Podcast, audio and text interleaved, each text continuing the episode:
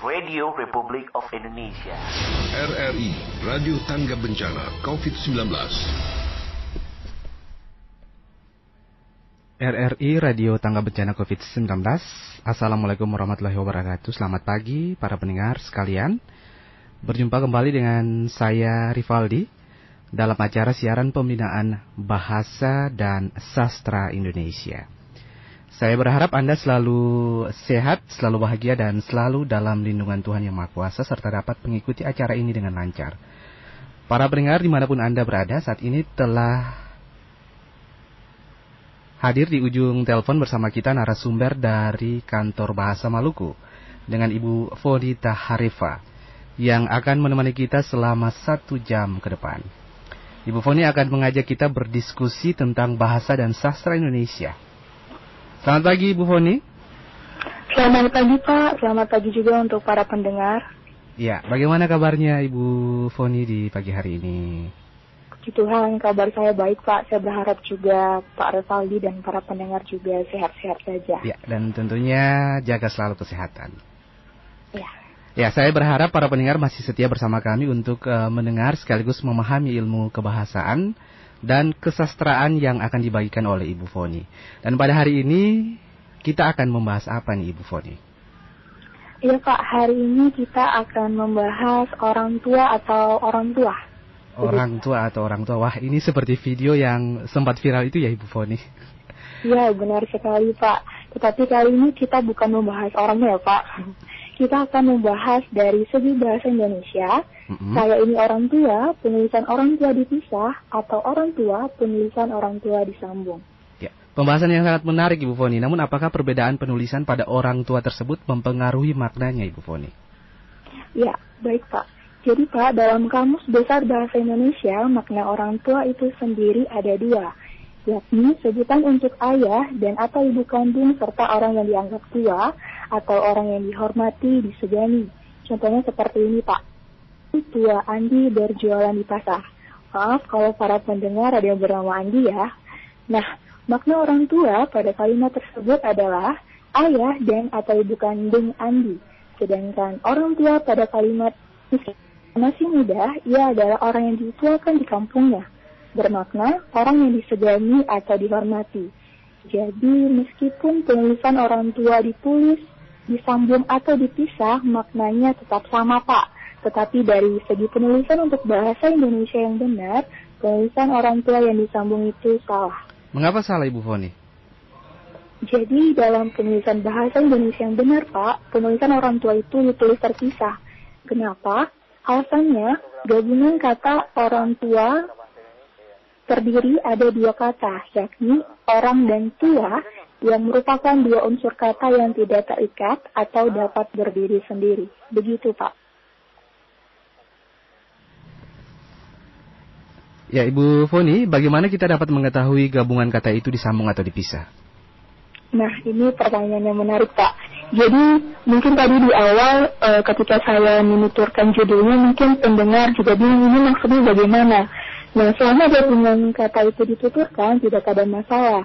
Tetapi pada saat penulisan, kita jadi bingung apakah penulisan gabungan kata ini dipisah atau disambung.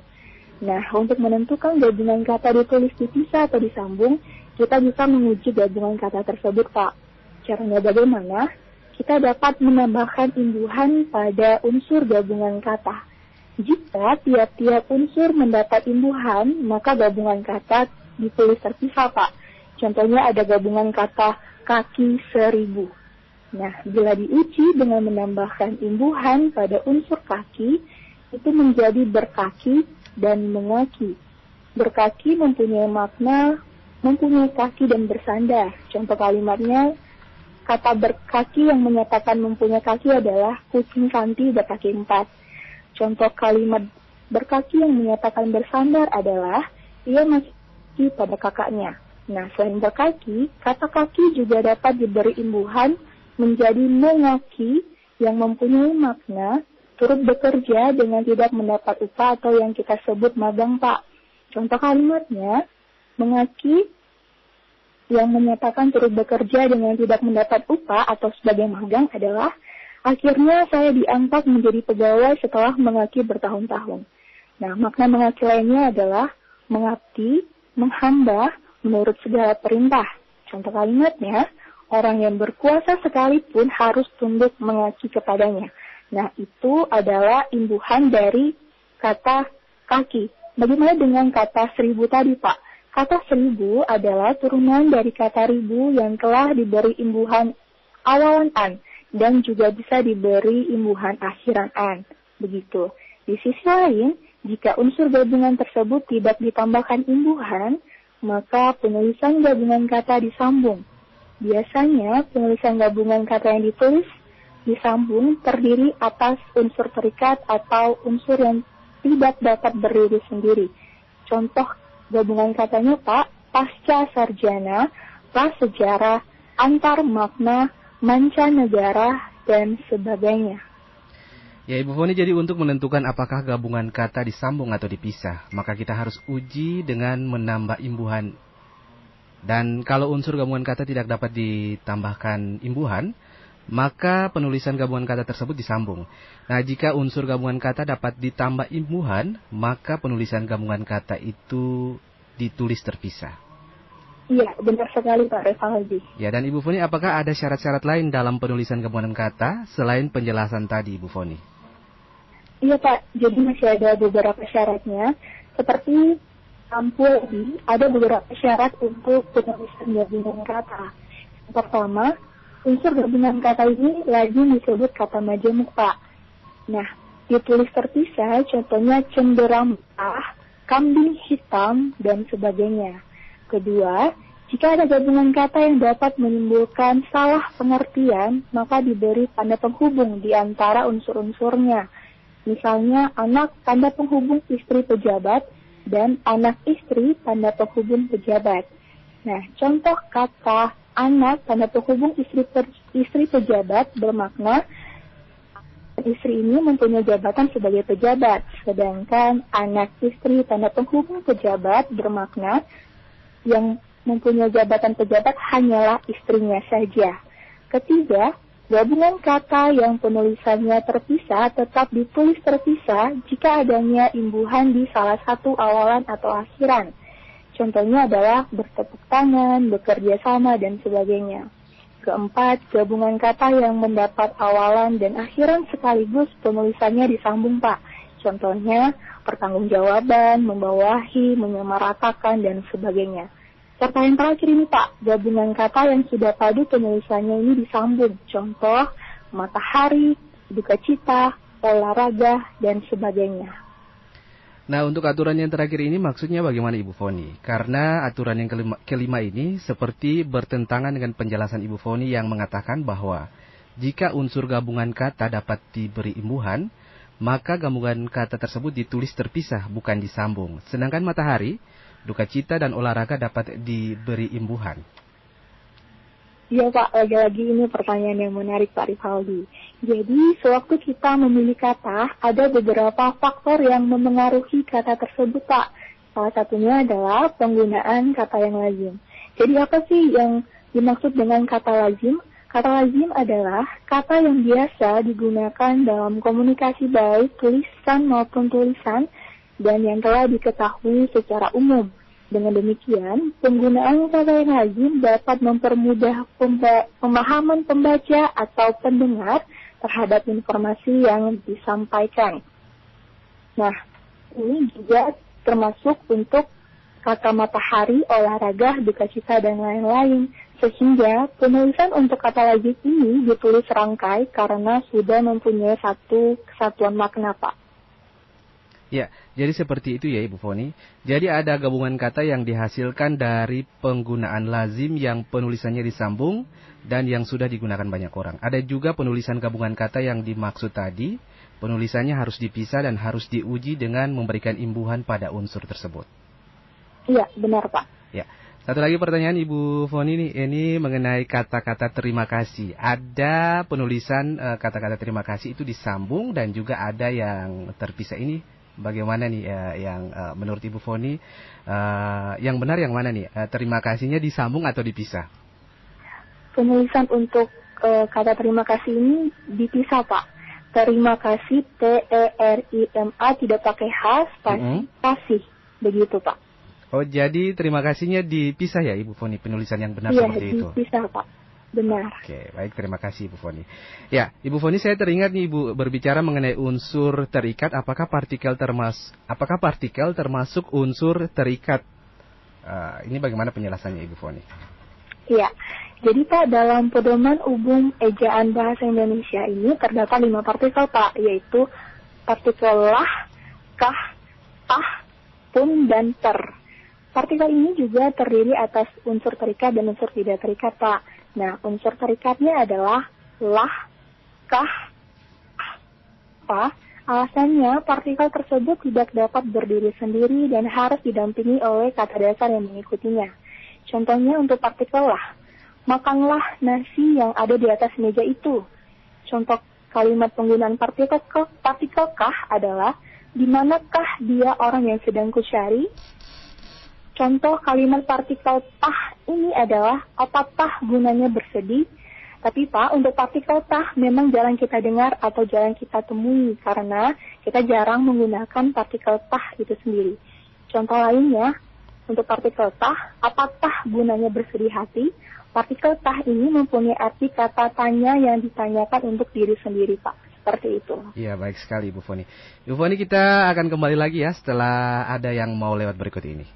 Ya, baik, Pak.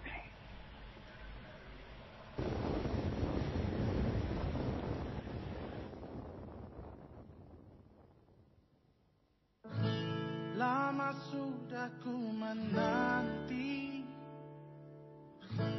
Banyak cinta datang dan pergi. Tapi tak pernah aku senyaman ini Mungkin dirimulah cinta sejati. Tak akan ku ragu lagi. Ku jaga sampai ke ujung nadi. Takkan ku sia-siakan lagi. Buat hidupku lebih berarti Cintamu senyaman mentari pagi Seperti pelangi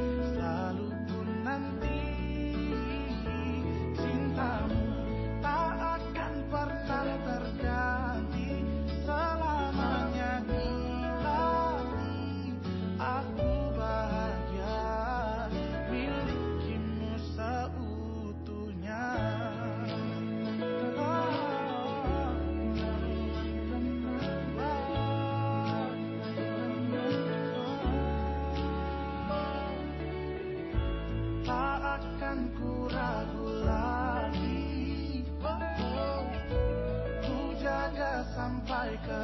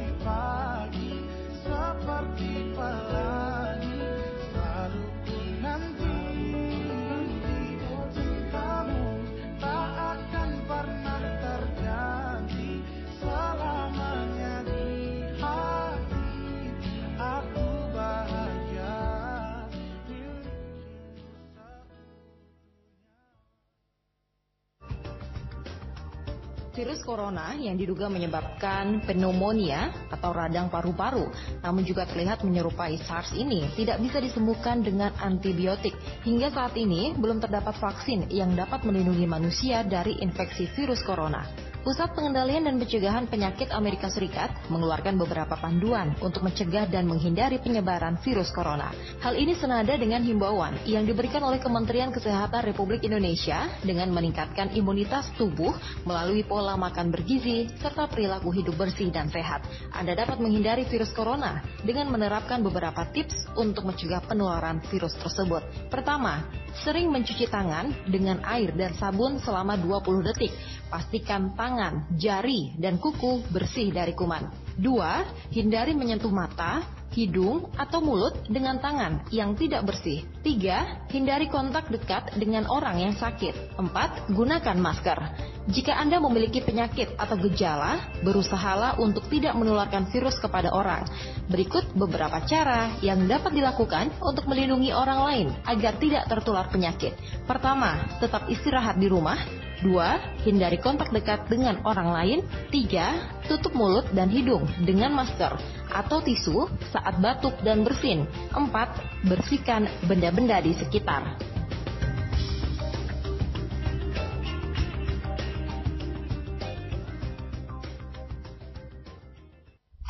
Radio Republic of Indonesia. RRI Radio Tangga Bencana COVID-19.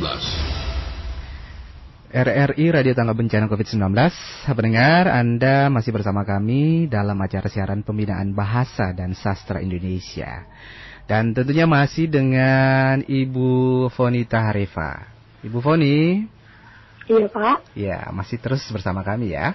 Dan pendengar yang ingin bergabung-gabung ya, uh, ingin menanyakan soal pembahasan di hari ini mengenai orang tua dan orang tua, yaitu kata-kata yang dipisah atau disambung. Jadi para pendengar bisa ikut uh, bertanya bersama Ibu Fonita Harifa mengenai pembahasan di edisi hari ini ya tentang orang tua dan orang tua yaitu kata-kata yang dipisah atau disambung. Anda bisa bergabung di 09113115511. Saya ulangi lagi, Anda bisa bergabung di 09113115511 bersama Ibu Fonita Harefa di dalam acara siaran pembinaan bahasa dan sastra Indonesia.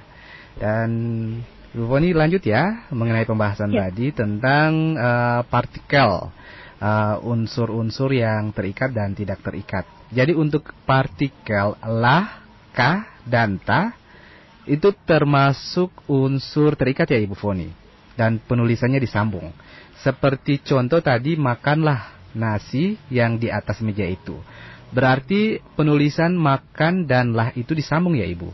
Demikian juga partikel kah dan ta. Lalu bagaimana dengan partikel pun dan per?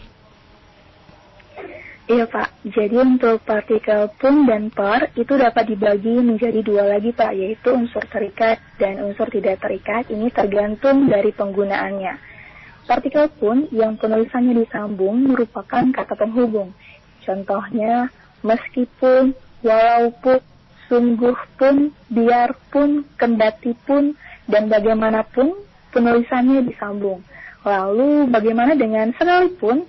Untuk pun pada kata sekali dapat diartikan menjadi dua lagi nih Pak, yaitu kata penghubung atau kata penghubung. Nah, kata penghubung di sini adalah yang dimaksud kata tugas yang berfungsi menghubungkan bentuk dalam kalimat. Contohnya, dapat kita lihat pada kalimat sekalipun sulit, ia tetap bisa melewati masalah itu. Kata pun pada kalimat tersebut merupakan kata penghubung dan penulisannya disambung. Sedangkan untuk kalimat jangankan dua kali, sekalipun ia tidak pernah mentraktirku.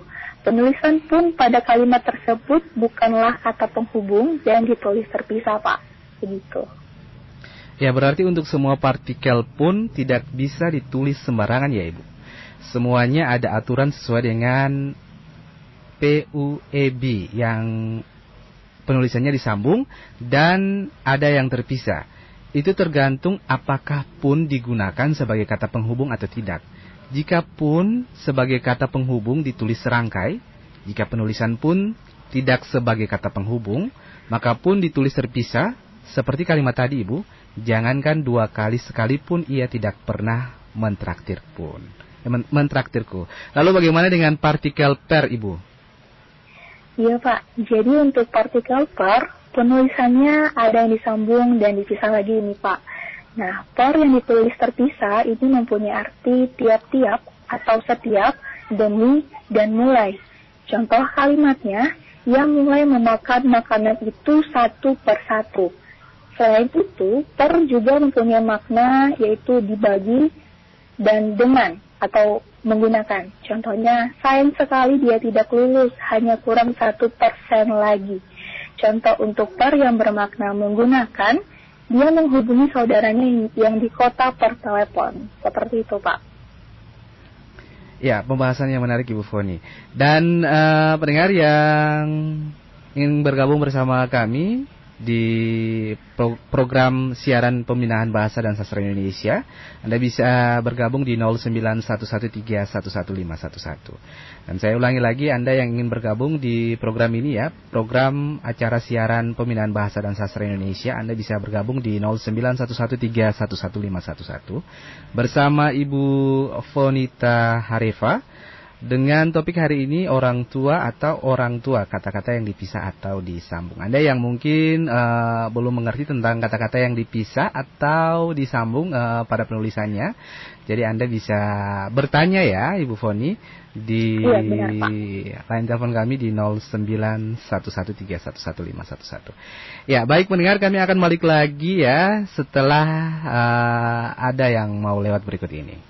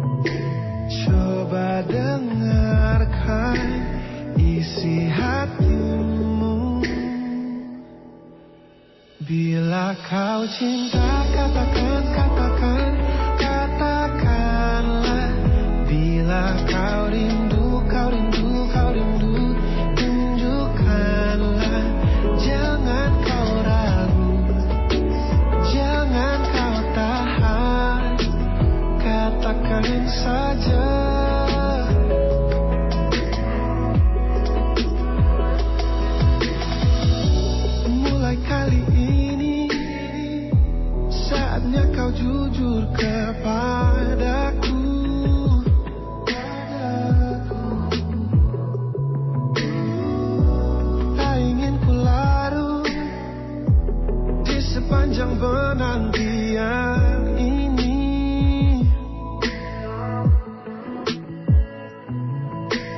Coba tunjukkan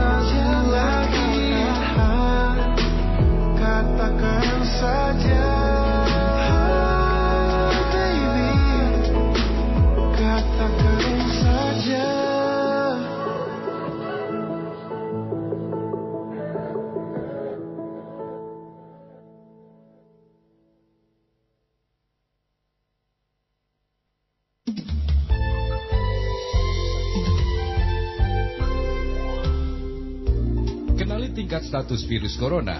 ODP, orang dalam pemantauan. Status orang yang belum menunjukkan gejala sakit, namun orang dalam kategori ini sempat bepergian ke negara epicentrum corona atau sempat melakukan kontak dengan orang yang diduga positif corona. PDP, pasien dalam pengawasan, adalah orang yang sudah menunjukkan gejala terjangkit COVID-19 seperti demam, batuk, pilek, dan sesak nafas.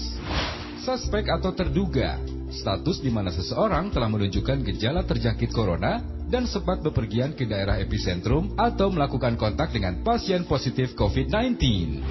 Positif COVID-19, pasien suspek yang telah menjalani dua metode pemeriksaan dan terbukti bahwa ada virus corona di dalam tubuhnya.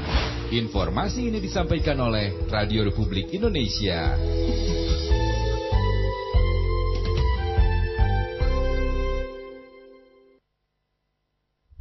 Radio Republic of Indonesia. RRI Radio Tangga Bencana COVID-19.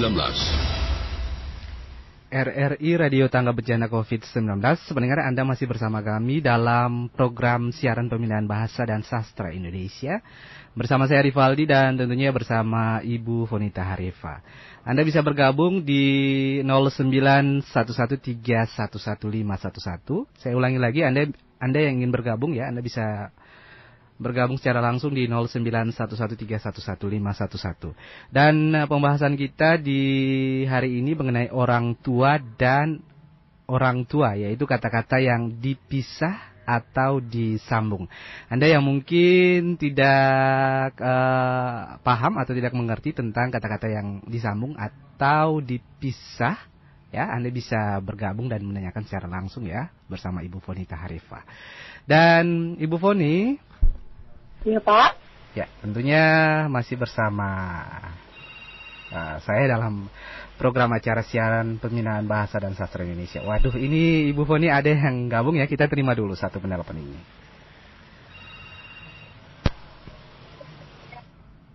Ya, halo, selamat siang. Halo, halo selamat siang. Selamat Pak Heri. siang. Dengan siapa dan di mana? Ya ini dengan Pak Geri. Ya, Pak Geri di mana Pak Geri? Ya saya di Kairatu Pak di Seram Barat. Oke, kayak Ratu di Seram bagian barat. Ya, Pak Geri silakan eh, pertanyaannya. Iya Ibu, ini saya mau tanya ini terkait dengan ini kita kadang-kadang karena salah pengertian akhirnya ini juga akibat media sosial kita sering mengetik apa SMS WA itu kayaknya sudah terbiasa dengan hal-hal yang kata-kata yang tidak benar dan terkait dengan penggabungan kata ini Bu. Saya mau tanya kata bertanggung jawab misalnya itu disambung atau tidak. Kemudian seperti menyebarluaskan, sebar luas. Itu bagaimana? Dan ada satu kata lagi yang saya ada penggabungan kata Inggris dan Indonesia misalnya multifungsi. Nah, itu digabung atau dipisahkan. Untuk sementara itu terima kasih. Baik, terima kasih untuk eh, Pak Geri di seputaran Kairatu. Ya, Ibu Foni, ini penjelasannya bagaimana Ibu Foni? Eh, Iya ben- iya Pak. Jadi eh, dengan Bapak tadi memang benar bahwa kadang kalau kita berkomunikasi itu di melalui media sosial pasti Mhm. banyak kesalahan. dalam penulisannya ya Pak. Jadi kayak uh, itu yang tadi pertama uh, kita diskusikan bahwa mungkin kalau kita berbicara saja secara lisan kita tidak tahu apakah uh, itu uh, salah atau tidak. Kita tidak bingung, tetapi berbeda ketika kita dalam penulisan atau ditulis. Nah, uh, ya Pak, ketika ada ada beberapa kata ada beberapa kata yang membuat mungkin Bapak dan juga para pendengar kebetulan ini tulisan yang bagaimana, Bapak juga bisa melihat di KBBI. Tetapi tentu untuk saat ini ada beberapa tadi e, kata yang Bapak katakan tadi, ini e, akan saya coba untuk menjawabnya Pak. Jadi untuk kata bertanggung jawab, nah bertanggung jawab ini dia e, adalah gabungan kata Tadi di pembahasan kita bisa uh, dengar kembali ya Pak ya. Jadi di waktu di pembahasan tadi kita bisa lihat bahwa gabungan kata itu dia penulisannya ada beberapa syarat. Salah satunya kalau misalnya dia hanya mempunyai awalan atau akhiran itu penulisannya dipisah. Jadi kalau kita lihat bertanggung jawab berarti dia hanya mempunyai awalan ber bertanggung jawab. Berarti tulisannya adalah dipisah, Pak. Jadi bertanggung spasi jawab. Kemudian untuk e, kata menyebar luaskan. Nah, ini juga tadi ada syaratnya, Pak. Jadi syaratnya untuk e, penulisan gabungan kata ketika kata dia mempunyai awalan dan akhiran sekaligus, ini e, ditulisnya disambung. Jadi menyebar luaskan. Tidak ada spasi antara uh, menyebar dan luaskan langsung dituliskan serangka yaitu menyebar luaskan. Nah, untuk multifungsi, multifungsi ini termasuk uh, seperti contoh yang saya katakan tadi ya Pak, hmm. uh, dia tidak dapat berdiri sendiri, seperti kata pasca sarjana, kata prase, prasejarah, prasejarah, jadi penulisannya disambung Pak, multifungsi, tidak ada spasi. Seperti itu Pak. Ya, jadi seperti itu penjelasannya Ibu Foni ya. Ya, Ibu Foni, eh, ini uh, dalam keseharian kita kan uh, pengucapan dan juga penulisan pasti berbeda. Nah, ketika kita mengucap kata-kata uh, yang uh, semisal uh, orang tua, ada yang disambung, ada yang tidak. Itu kan uh, dalam pengucapannya pasti uh, berbeda dengan penulisan. Ini bagaimana cara kita uh, mengetahui tips, uh, bisa berikan tips yang gampang nih untuk uh, para pendengar uh, bisa uh, mengetahui kata-kata uh, yang dipisah atau tidak dipisah itu secara mendetail, Ibu. Oke. Okay. Jadi kalau misalnya untuk cara paling baik itu Pak, cara paling cepat para pendengar sering-sering membuka KBBI. Jadi mungkin kita kadang bingung ini KBBI Kamus Besar Bahasa Indonesia ya Ibu? Iya benar. Jadi ya. kita harus sering-sering membuka Kamus Besar Bahasa Indonesia atau KBBI. Karena e, kalau itu cara yang paling tepat dan cepat Bapak. Nah selain itu juga ada e, para pendengar juga bisa melihat di e, maaf para pendengar juga bisa e, tadi ada beberapa syarat yang saya katakan tadi dan mungkin para pendengar juga bisa menguji gabungan kata tersebut. Seperti tadi ketika gabungan katanya hanya diberi awalan saja penulisannya itu dipisah. Tetapi kalau penulisan e, gabungan katanya ada awalan dan akhir penulisannya disambung. Nah seperti itu kurang lebih pak. Ya Ibu Foni, ini kan ada kata-kata yang lazim dan juga tak lazim yang digunakan untuk kata-kata yang dipisah atau tidak uh, atau disambung. Nah, ini Ibu Foni bisa kasih contoh-contoh kata-kata yang lazim yang digunakan ataupun yang tidak lazim yang digunakan untuk kata-kata yang dipisah atau disambung. Iya Pak.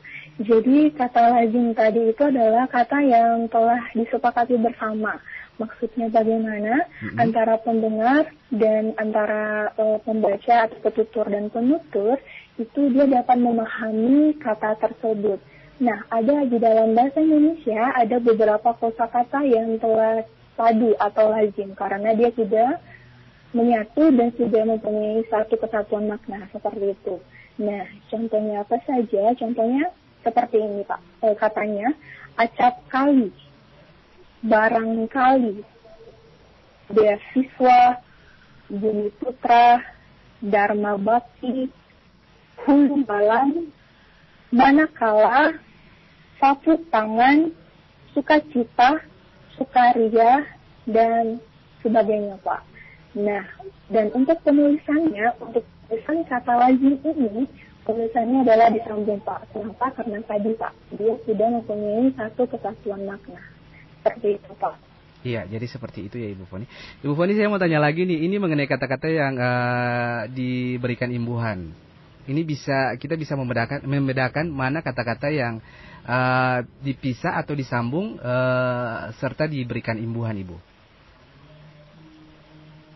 Uh, iya Pak.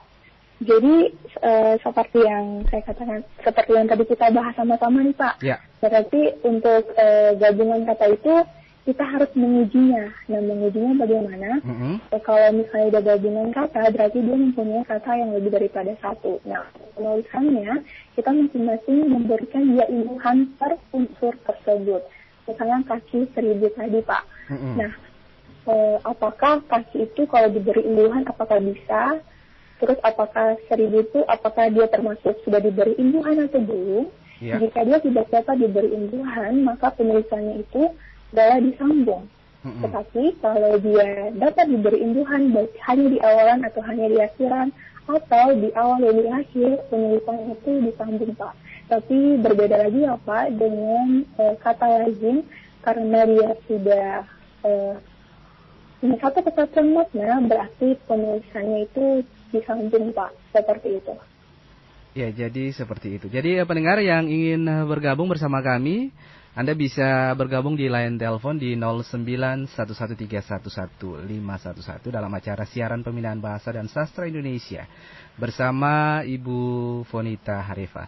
Dan kebersamaan kita tertinggal beberapa menit lagi ke depan. Ibu Foni, Iya Pak? ya, eh, tadi sempat juga eh, membicarakan tentang partikel per dan penulisannya ada yang disambung atau dipisah. Dan per yang ditulis terpisah mempunyai arti tiap-tiap atau setiap demi dan mulai. Dan eh, Ibu Foni, eh, jadi tidak semua partikel ditulis ditulis dengan serangkai ya Ibu Foni. Kita juga perlu melihat bagaimana penulisan partikel di setiap penggunaannya. Dan Ya. jadi untuk gabungan kata dan partikel yang kita bahas, penulisannya ada yang disambung dan dipisah tergantung dari kata yang mengikutinya atau peraturan dari gabungan kata atau partikel itu sendiri. Iya, benar sekali Pak. Ya, Eh, Ibu Foni bisa kasih contoh yang gampang untuk para pendengar mungkin eh, agar lebih bisa eh, memahami dari kata-kata per ini yang ditulis terpisah.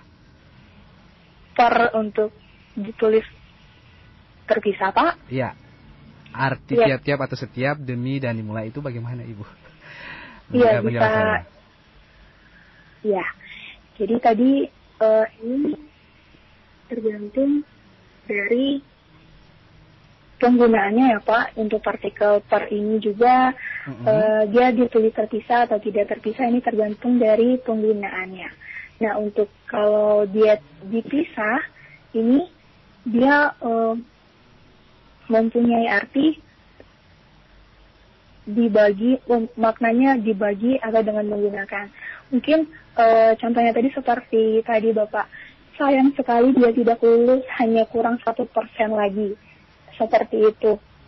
Untuk eh, kata-kata ternya pak Oke. nah selanjutnya untuk eh, penggunaan selanjutnya untuk makna dengan atau menggunakan adalah kalimatnya dia menghubungi saudaranya yang di kota per telepon begitu pak Iya, baik terima kasih atas penjelasannya Ibu Foni. Ya, para pendengar, kami akan balik lagi ya untuk Anda di sesi terakhir program pembinaan sastra dan bahasa Indonesia.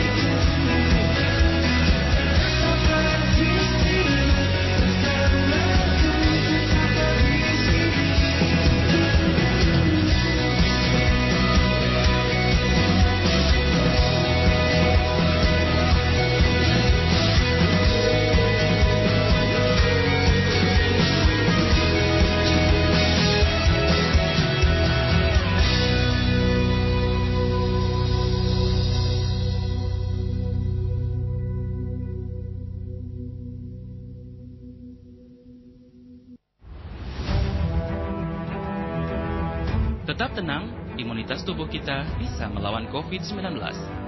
Melawan COVID-19 dapat dilakukan dengan cara charging imunitas tubuh, jaga kesehatan kulit, saluran pernafasan, dan saluran pencernaan. Ayo kita charger imunitas tubuh dengan cukupkan konsumsi protein nabati dan hewani, cukupkan asumsi vitamin C, kurangi asupan gula, lakukan aktivitas fisik selama 30 menit 3 sampai 5 kali seminggu, yakni berolahraga. Oh iya, jangan lupa selalu happy thinking, berbahagia selalu. Radio Republic of Indonesia. RRI Radio Tangga Bencana COVID-19. RRI Radio Tangga Bencana COVID-19 Pendengar Anda masih bersama kami dalam acara siaran pembinaan bahasa dan sastra Indonesia. Tentunya kita sudah di sesi yang terakhir. Anda yang ingin gabung-gabung di 09113111511 ya di sesi ini.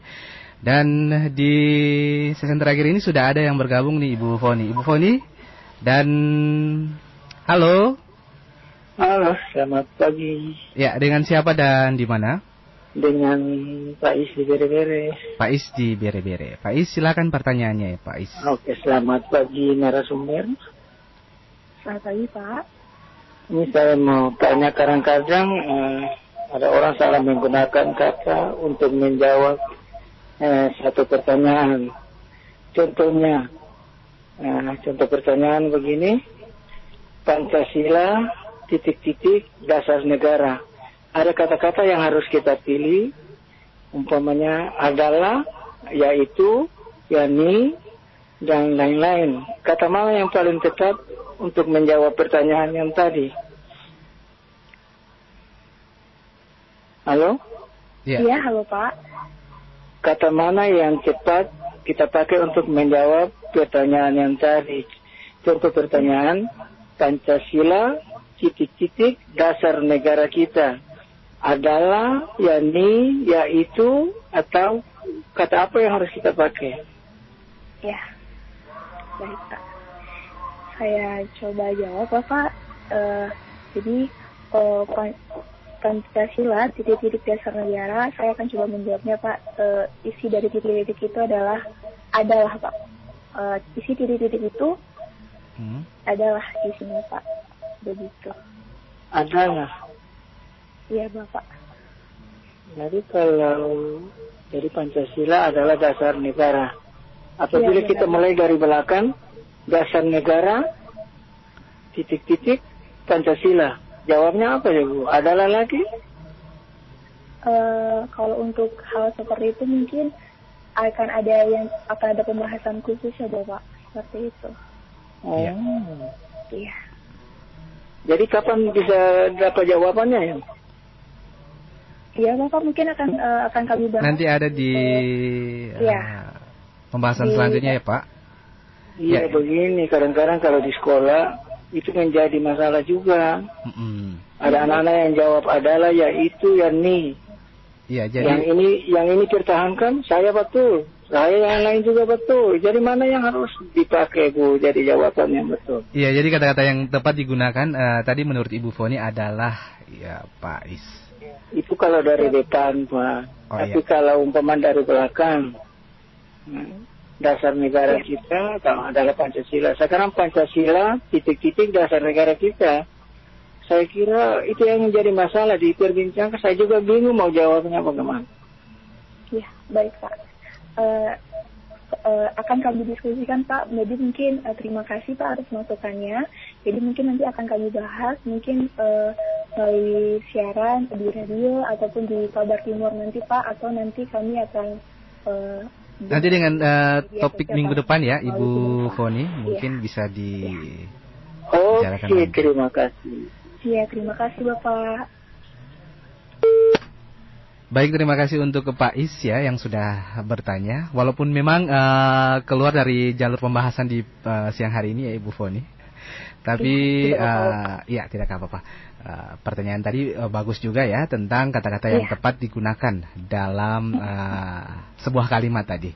Ya, Ibu Foni, kita sudah di penghujung acara nih ya Ibu Foni. Ini topik kita mengenai orang tua dan orang tua penulisan uh, dipisah atau disambung. Dan mungkin ada tambahan dari Ibu Foni dalam uh, pembahasan kali ini. Jadi eh, pertama saya mohon maaf apabila ada tutur kata saya yang kurang berkenan mungkin para pendengar dan kepada Bapak Revaldinya sendiri. Mm-mm. Nah, untuk para pendengar, mari kita utamakan bahasa Indonesia. Apabila para pendengar bingung atau kesulitan dalam berbahasa Indonesia dengan benar dan baik, pendengar bisa melihat di KBBI atau Kamus Besar Bahasa Indonesia, juga di PUEDI atau Pedoman Umum Ejaan Bahasa Indonesia, atau untuk info lebih lanjut, pendengar bisa menghubungi kami di media sosial kantor Bahasa Maluku, baik melalui Facebook, Instagram, YouTube, maupun laman di kantor Bahasa Maluku titik. Pada media sosial kantor bahasa tersebut tersedia informasi yang lengkap tentang kebahasaan dan kesastraan melalui kajian-kajian yang telah dilakukan. Para pendengar juga bisa menyumbangkan tulisan berupa tulisan tentang bahasa dan sastra Indonesia ataupun daerah di majalah Fuli dan makalah ilmiah tentang bahasa. Maaf para pendengar juga bisa menyumbang tulisan berupa tulisan tentang bahasa dan sastra di majalah Fuli dan makalah ilmiah tentang bahasa dan sastra daerah di kantor kami melalui laman totobuang.kemdikbud.go.id. Para pendengar juga bisa berpartisipasi dalam pemilihan Duta Bahasa Maluku 2020 dan musikalisasi puisi yang informasinya pendengar bisa membaca di media sosial kantor Bahasa Maluku. Seperti itu, Pak. Baik, terima kasih Ibu Foni atas penjelasan yang luar biasa ya tentang uh, makna penulisan orang tua dan orang tua disambung atau dipisah. Dan pendengar demikian siaran pembinaan bahasa dan sastra Indonesia pada siang hari ini. Semoga para pendengar masih setia mengikuti siaran pembinaan bahasa dan sastra minggu depan dengan waktu dan hari yang sama. Tentunya dengan pembahasan terbaru dari narasumber kita yang lain. Dan selamat siang saja untuk Ibu Foni. Terima kasih untuk penjelasannya ya di Selamat hari siang, ini. Pak. Terima kasih. Dan pastinya selalu jaga kesehatan. Radio Republic of Indonesia. RRI Radio Tangga Bencana COVID-19.